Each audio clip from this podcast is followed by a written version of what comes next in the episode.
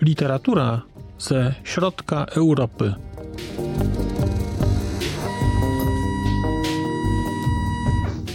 Podcast około książkowy.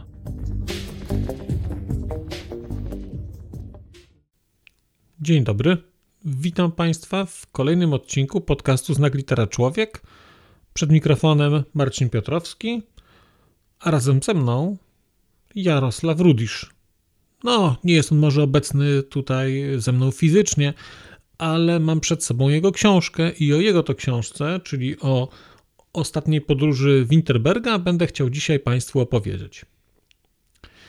Zdecydowałem się na czytanie książki Rudisza, kończąc cykl książek o, o tematyce włoskiej i niemieckiej, o tematyce związanej z faszyzmem i z nazizmem i szukałem czegoś, co pozwoli mi na powrót na łono macierzy literackiej, nowej, mojej odzyskanej, pozyskanej, czyli do Czech.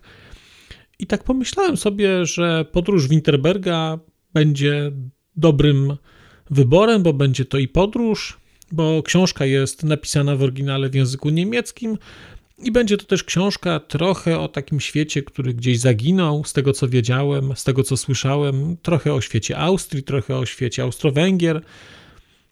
A że bohaterowie mieszkają w Niemczech, to jakoś mi się to tak łączyło. I kiedy czytałem tę książkę, to miałem do siebie ogromny żal. Miałem do siebie ogromny żal, że nie przeczytałem jej wcześniej, gdyż jest to powieść wyjątkowa i tak wspaniała, że miałem do siebie żal, tym większy, że czytałem ją, mam wrażenie, za szybko i że powinienem czytać ją wolniej, a jednocześnie nie mogłem czytać jej wolniej, dlatego że po prostu tak mnie wciągnęła, tak mnie porwała i tak bardzo chciałem przejechać tę trasę z bohaterami, że powiedzmy szczerze, przeczytałem tę książkę w, w jeden dzień. No ale o czym jest w ogóle książka Jarosława Rudisza? Ostatnia podróż Winterberga to jest książka dosyć opasła. Może opasła to może złe słowo. No to jest tam około 600 stron. I jest to powieść, w której, która ma dwóch bohaterów. Jednym z nich, e, tym głównym, jest Węcław Winterberg, a drugim jest, e, a drugim jest Czech Jan Kraus. Właściwie Winterberg też jest Czechem, bo obie te osoby to są Czesi. To są Czesi, którzy w różnych okolicznościach wyemigrowali z Czech, którzy mieszkają w Niemczech, tam się poznają i wspólnie wyruszają na podróż. Podróż, która wiedzie przez kraj, którego nie ma, bo to jest podróż, która wiedzie przez głównie przez Austro-Węgry. Ta ostatnia podróż jest podróżą kolejową. I cała ta książka, kiedy sobie tak o niej pomyśleć, jest właściwie odą do kolei. Jest to kolejna książka literatury, z literatury czeskiej, z którą się spotykam, która ma w sobie jako nośnik jakiś temat, i ten temat jest rozwijany, jest nośnikiem dla akcji, on, on tę akcję wyzwala. Jednocześnie nie jest najistotniejszym elementem tej książki, to znaczy to, co ta książka opowiada, równie dobrze obyłoby się bez kolei. Ale ta kolej jest tutaj, ona przenosi w czasie, ona przenosi w przestrzeni. Widać tej książce niesamowitą miłość autora do kolei, do kolei jako takiej, do historii, ale jednocześnie, gdyby tę kolej wy, wyciągnąć stąd, to ta książka byłaby inna, natomiast ona nie utraciłaby, ona utraciłaby może trochę uroku, natomiast to jej główne przesłanie pewnie by się w wysokim stopniu utrzymało. A drugą książką mówię, że, że to jest kolejna książka, bo pierwszą książką taką to, były, to było w niebo wstąpienie Lojska Lapaczka, i tam tę rolę odgrywała piłka nożna. To był taki wątek, który się przez całą i dzieje drużyny, który się przewijał przez całą książkę i na jego bazie coś było budowane. Tutaj tym wątkiem jest podróż kolejowa. Ale ta książka nie jest opowieścią tylko o kolei. Ta książka, jak miałbym powiedzieć, jest właściwie o trzech rzeczach. Po pierwsze, po najważniejsze chyba, to jest książka o historii. To jest książka o historii przez duże H. To jest książka o myśleniu historycznym. To jest książka o historii rozumianej jako pewien proces, nie jako suma zdarzeń, nie jako jakieś oderwane od siebie daty. To jest historia o tym, jak wydarzały się rzeczy, jak wpływały na siebie rzeczy, jak kształtowały te rzeczy historię i charakter narodów, a poprzez charakter narodów, jak kształtowały, jak wpływały na życie zwykłych ludzi. Więc historia to jest raz, książka o historii. Dwa, to jest książka o miłości utraconej. Nie będzie chyba e, ze, z mojej strony wielkim spoilerem, bo jest to napisane na czwartej stronie okładki, jeżeli powiem, że panowie wyruszają w podróż, bo chcą odnaleźć utraconą miłość Winterberga, e, Żydówkę Lenkę, i oni po prostu jadą jej szukać. Jadą szukać jej śladów. Natomiast to, że oni szukają jej śladów, jest wynikiem tylko i wyłącznie tego, że ta lęka, mimo tego, że Winterberg jest już człowiekiem starym i dobiegającym żywota, tak można by rzec, to lęka jest jego prawdziwą miłością. I prawdziwej miłości, yy, i prawdziwej miłości szuka też Kraus, drugi bohater. Obaj panowie czegoś doznali, obaj panowie coś stracili i obaj bohaterowie, obaj panowie czegoś szukają. I ta miłość pojawia się w tej książce też na wielu wymiarach, ale przede wszystkim jako miłość utracona, i to jest drugi istotny aspekt tej książki, drugi wątek. Trzeci, czyli miłość do kolei i kolej jako taka, o tym już, o tym już wspominałem. Więc to są te trzy takie główne wątki, które się tutaj przeplatają. Może nie wiem, czy słowo wątek jest odpowiednie, ale to są takie trzy obszary, które gdzieś przez całą tę książkę biegną, płyną, trzy takie strumienie. Natomiast to nie wszystko, bo to jest ten taki wymiar najbardziej widoczny. Natomiast są rzeczy, które są nieco bardziej ukryte, nie tak oczywiste. I gdybym miał powiedzieć, o czym jest jeszcze ta książka, to powiedziałbym, że ta książka jest niesamowitym rozważaniem o istocie czeskości o tym, co znaczy być Czechem, o tym, jak Czesi byli doświadczani przez e, historię, jak sami doświadczali historii, i trochę o takim wychodzeniu poza banał, poza banał czeskości. Pozwólcie Państwo, że przeczytam Państwu mały fragmencik, mm, który w tej książce znalazłem na stronie 110, jeżeli Państwo tę książkę macie. Jarosław Rudisz pisze tak. Mieszkaniec Czech jest skazany na tę melancholię, mawiał Bitsan. Dlatego usiłuje być zawsze taki dowcipny. Stąd też okropny czeski humor. Nieważne, czy się mówi po niemiecku, czy po czesku, niczego bardziej nie znoszę niż tego okropnego czeskiego humoru. Tak, tak. Wszędzie, gdzie pojawia się mieszkaniec Czech, oczekuje się, że będzie zabawnie, że Czech przede wszystkim będzie żartować z samego siebie, a przecież najczęściej to w ogóle nie jest zabawne. Nie, jeszcze raz nie. Mieszkaniec Czech nie jest zabawny, jest melancholijny. Często rozmyśla o śmierci. Tak, tak, również o śmierci z własnej ręki.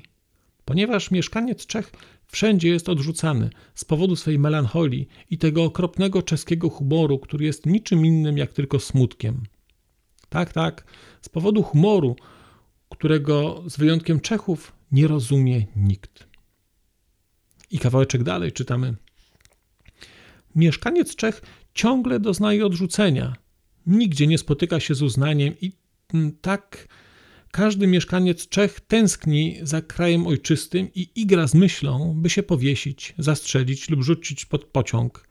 Tak, tak, i walczy z tym za pomocą tego okropnego humoru.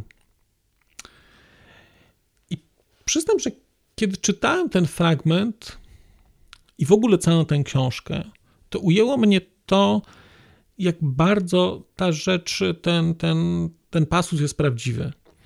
Jak bardzo odkrywając literaturę czeską, historię czeską, jak bardzo wchodząc w relacje z tą kulturą, odkrywam nieoczywistość tego czeskiego humoru, odkrywam to, jak bardzo on jest melancholijny, jak bardzo jest podszyty czymś głębszym, czymś, co wcale nie jest śmieszne.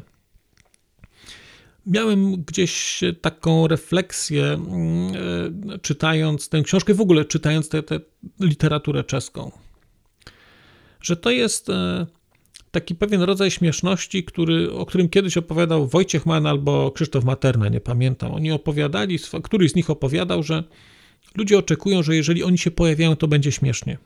Dlatego, że wszystkim się wydaje, że jeżeli ktoś robi śmieszne rzeczy, zabawne, to że jego życie jest zabawne i że ta osoba jest zabawna na co dzień, przez cały czas.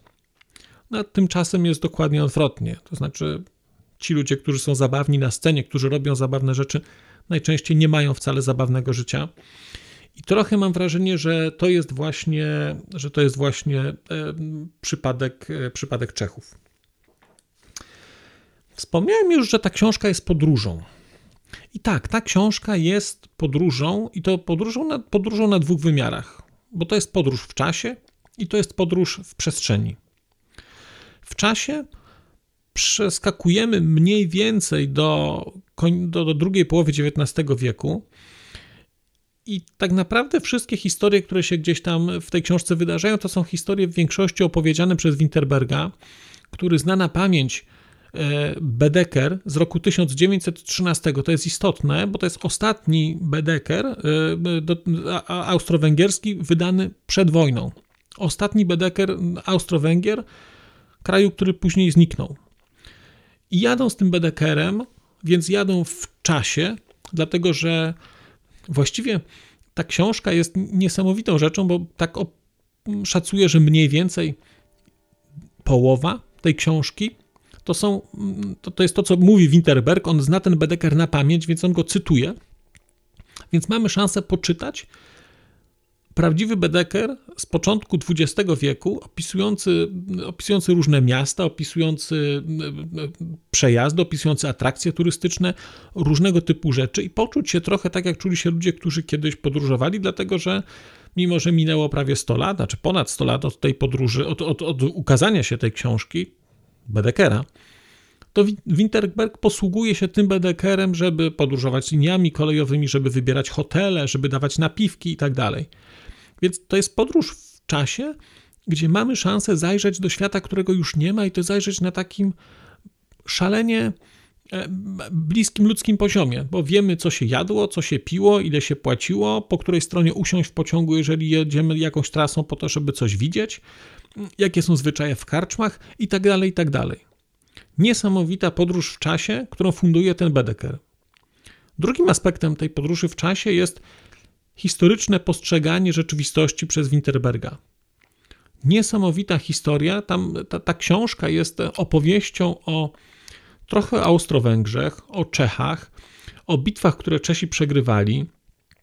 Swoją drogą sądziłem, że tylko Polacy czczą bitwy, które przegrali, ale okazuje się, że nie tylko, że Czesi także, więc być może jest coś takiego w Europie Środkowej, że, że czci się bitwy, które się, które się przegrało.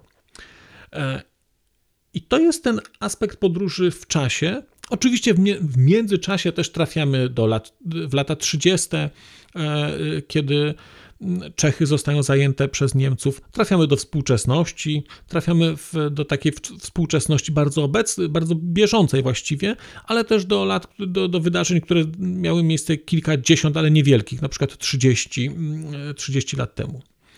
I to był wątek podróży w czasie. Natomiast jest, jest tu jeszcze wątek podróży w przestrzeni i to jest niesamowita rzecz. Niesamowita rzecz udała się Jarosławowi Rudiszowi, dlatego że ta książka, miałem wrażenie, gdzieś przypominała mi do pewnego stopnia odlegle Trzech Panów Wódce.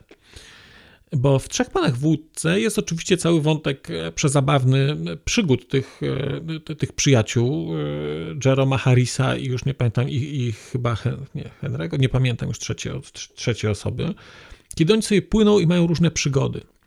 Natomiast elementem bardzo istotnym tej książki, o którym się często zapomina, jest, e, jest przepiękne opisywanie e, atrakcji turystycznych Anglii e, różnego typu. I czytając ostatnią podróż Winterberga, właśnie takież miałem wrażenie. Miałem wrażenie, że z jednej strony w tej książce dzieją się istotne rzeczy, ona opowiada o istotnych rzeczach, a z drugiej strony jest niesamowitym pomnikiem kultury, która już minęła, kraju, który już, którego już nie ma, ale też takim pięknym opisem przeróżnych zabytków, które do tej pory funkcjonują i, i tak naprawdę spodziewam się, że ta książka będzie miała fanów tego typu, że powstaną całe przewodniki i, i, sądzę, że te miejsca będą niektóre oznaczane i tak jak jest mapa w tej książce, którędy oni jechali, to wierzę, że będą fanatycy, którzy taką trasą pojadą. Myślę, że rozważałbym siebie e, tutaj e, również.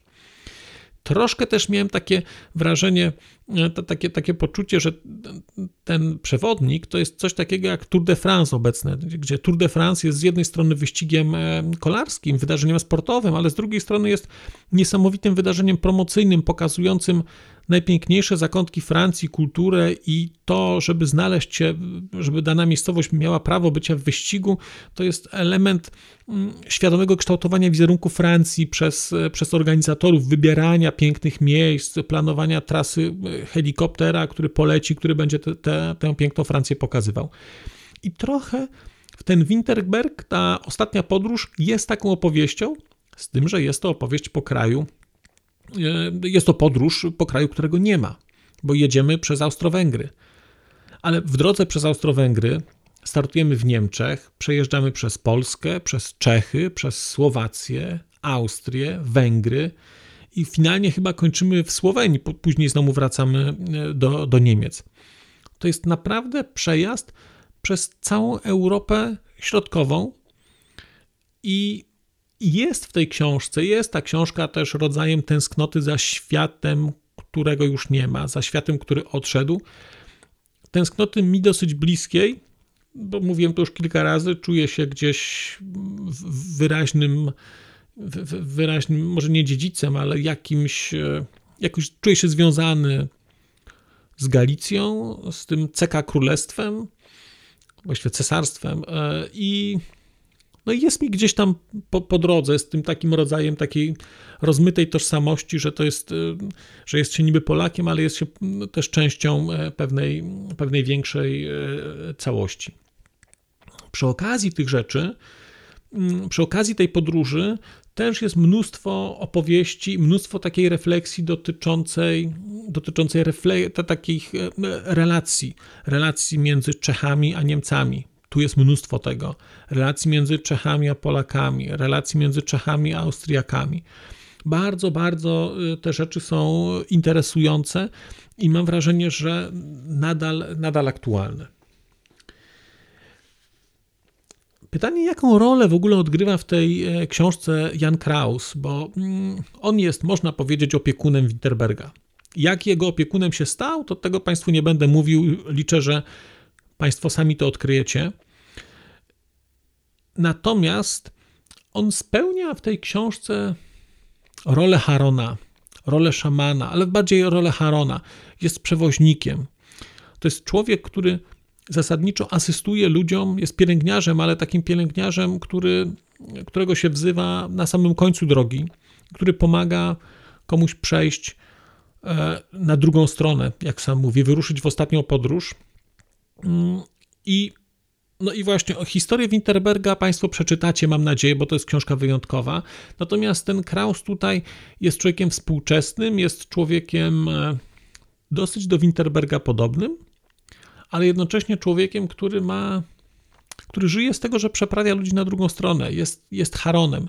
Przez jakiś czas myślałem, że ma taką rolę szamana, że on przepływa między światami, ale nie przepływa między światami, bo on przewozi ludzi tylko tylko w jedną stronę.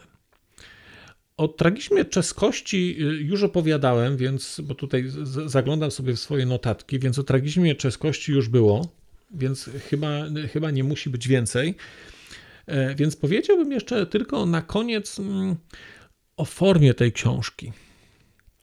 Bo z jednej strony jest ta książka z beletryzowaną formą Bedekera i tam jest mnóstwo takich rzeczy typowo takich, e, takich bedekerowskich.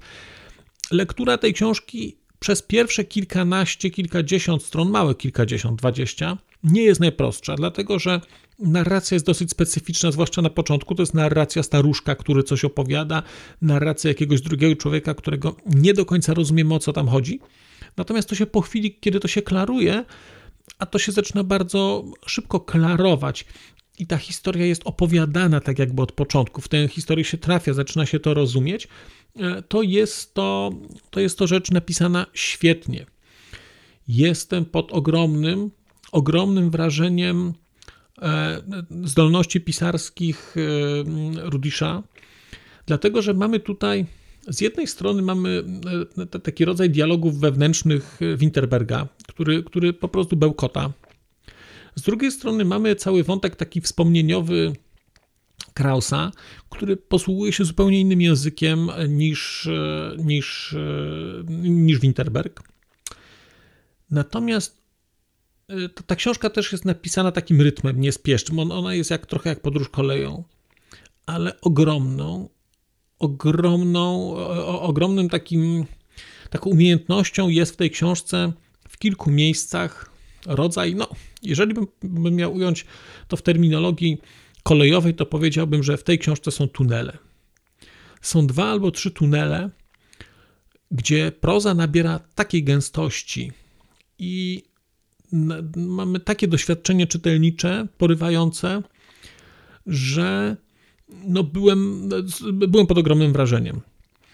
I jest w tej książce, są dwa takie momenty, ale jeden jest, nie, jeden jest taki kluczowy, to jest taki w ogóle moment, że no, zaskakujące to jest, to tam jest o przełamywaniu takiego tabu. Nie będę Państwu mówił jakiego tabu, jeżeli Państwo będziecie tę książkę czytać, to zetkniecie się z tym i myślę, że to będzie taki moment, że jeżeli do tej pory uważaliście Państwo, że ta książka jest po prostu dobra, to jak się przeczyta ten taki y, rozdział zdarzenia z jednego miasta, to wtedy przeskakuje się na inny poziom oceny umiejętności pisarskich y, Rudisza, dlatego że czytając ten rozdział, czułem, dosłownie czułem tę presję tego e, wydarzeń, które mają miejsce i tego, że bohater w głowie coś przeżywa, ten bohater, czyli Jan Kraus, on coś w głowie przeżywa, E, odkrywa pewną historię dla nas szalenie istotną, odkrywa w formie pojedynczych zdań, a jednocześnie w tle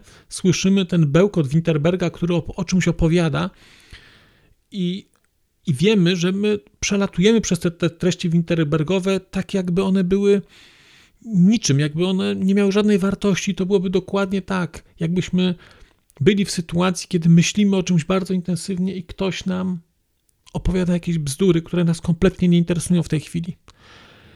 I to jest e, pisarsko oddane w sposób porywający. To znaczy, to jest tak gęste i takie, i takie mroczne, takie pochłaniające, że wiemy, że tutaj się coś wydarza. Do, dotykamy takiej istoty, można powiedzieć, jądra ciemności. To nie jest to jądrze ciemności, ale do, dotykamy czegoś bardzo, bardzo istotnego i w tym nam ktoś cały czas przeszkadza, a jednocześnie nie kontroluje tego swojego przeszkadzania.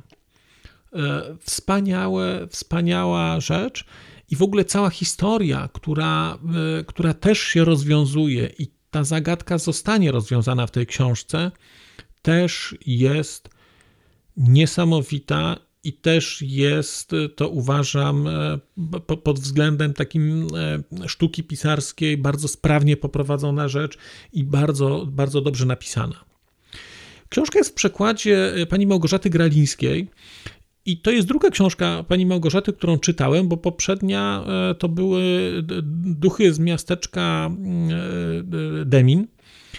I przyznam, że byłem zaskoczony, kiedy tutaj zobaczyłem to samo nazwisko, ale wiem też i bardzo mnie to cieszy, że pani Małgorzata tłumaczy kolejne rzeczy i kolejne rzeczy Rudisza też i to będzie, z tego co wiem, to też będzie książka o kolei i przestałem się dziwić, że to będzie książka o kolei po tym, jak przeczytałem tego Winterberga, bo e, ta książka jest tak przesycona miłością do, do, do, do ruchu szynowego i do tego świata kolei, że to trudno sobie wyobrazić. Bardzo Państwu polecam jej przeczytanie, chociażby po to, żeby zobaczyć, jak bardzo można, można kochać kolej i jakie to może być piękne, kiedy się widzi, jak ktoś tak naprawdę coś e, głęboko, głęboko czuje, głęboko rozumie i to coś prze, prze, przesyca życie tej osoby. Ostatnia podróż Winterberga, wydane przez książkowe klimaty. Książka znakomita, książka wspaniała, książka porywająca i jednocześnie książka, która wcale nie będzie wymagała szybkiego czytania. To jest książka, którą można sobie smakować. Będzie kilka momentów, gdzie będzie ten e, motyw taki, że będziemy chcieli koniecznie przeczytać kawałeczek dalej, ale zasadniczo to jest książka, która się toczy jak pociąg osobowy, no bo osobowymi lubił jeździć Winterberg i straszliwie hejtował różne pociągi e, szybkie i współczesną kolej za to, że nie daje tego doświadczenia podróżowania. Ja Państwa bardzo serdecznie zachęcam i bardzo szczerze zachęcam do, do udania się w podróż z Winterbergiem, bo jest to podróż, jak mówię, po świecie, którego nie ma, ale podróż po świecie, którego nie ma, jest podróżą bardzo, bardzo mocno nas ubogacającą. Więc ubogacajmy się czytając Winterberga oraz inne książki, o których będę opowiadał wkrótce. Ale na dzisiaj to tyle. Bardzo Państwu dziękuję. Przez mikrofon mówił do Państwa Marcin Piotrowski. Do usłyszenia. A już zupełnie na koniec powiem, że skoro wysłuchaliście Państwo tego odcinka, to w jego opisie znajdziecie link do serwisu YouTube. W wersji YouTube'owej e, jest miejsce na skomentowanie go. To jest takie miejsce, gdzie można komentować ten odcinek, rozmawiać, zadawać pytania, wymieniać się spostrzeżeniami, do czego Państwa bardzo zachęcam, gdyż udało się już na tym YouTubie zgromadzić trochę bardzo ciekawych osób, bardzo ciekawych komentarzy i trochę stworzyć taką społeczność ludzi rozmawiających o książkach. Też na koniec, zupełnie na koniec, e, poproszę Państwa o wystawienie oceny mi w ramach e, tych platform podcastowych, na których Państwo tego odcinka wysłuchaliście. I nieważne jaka ta ocena będzie, istotne dla mnie po prostu, że będzie. Tymczasem się żegnam już naprawdę i do usłyszenia za czas jakiś.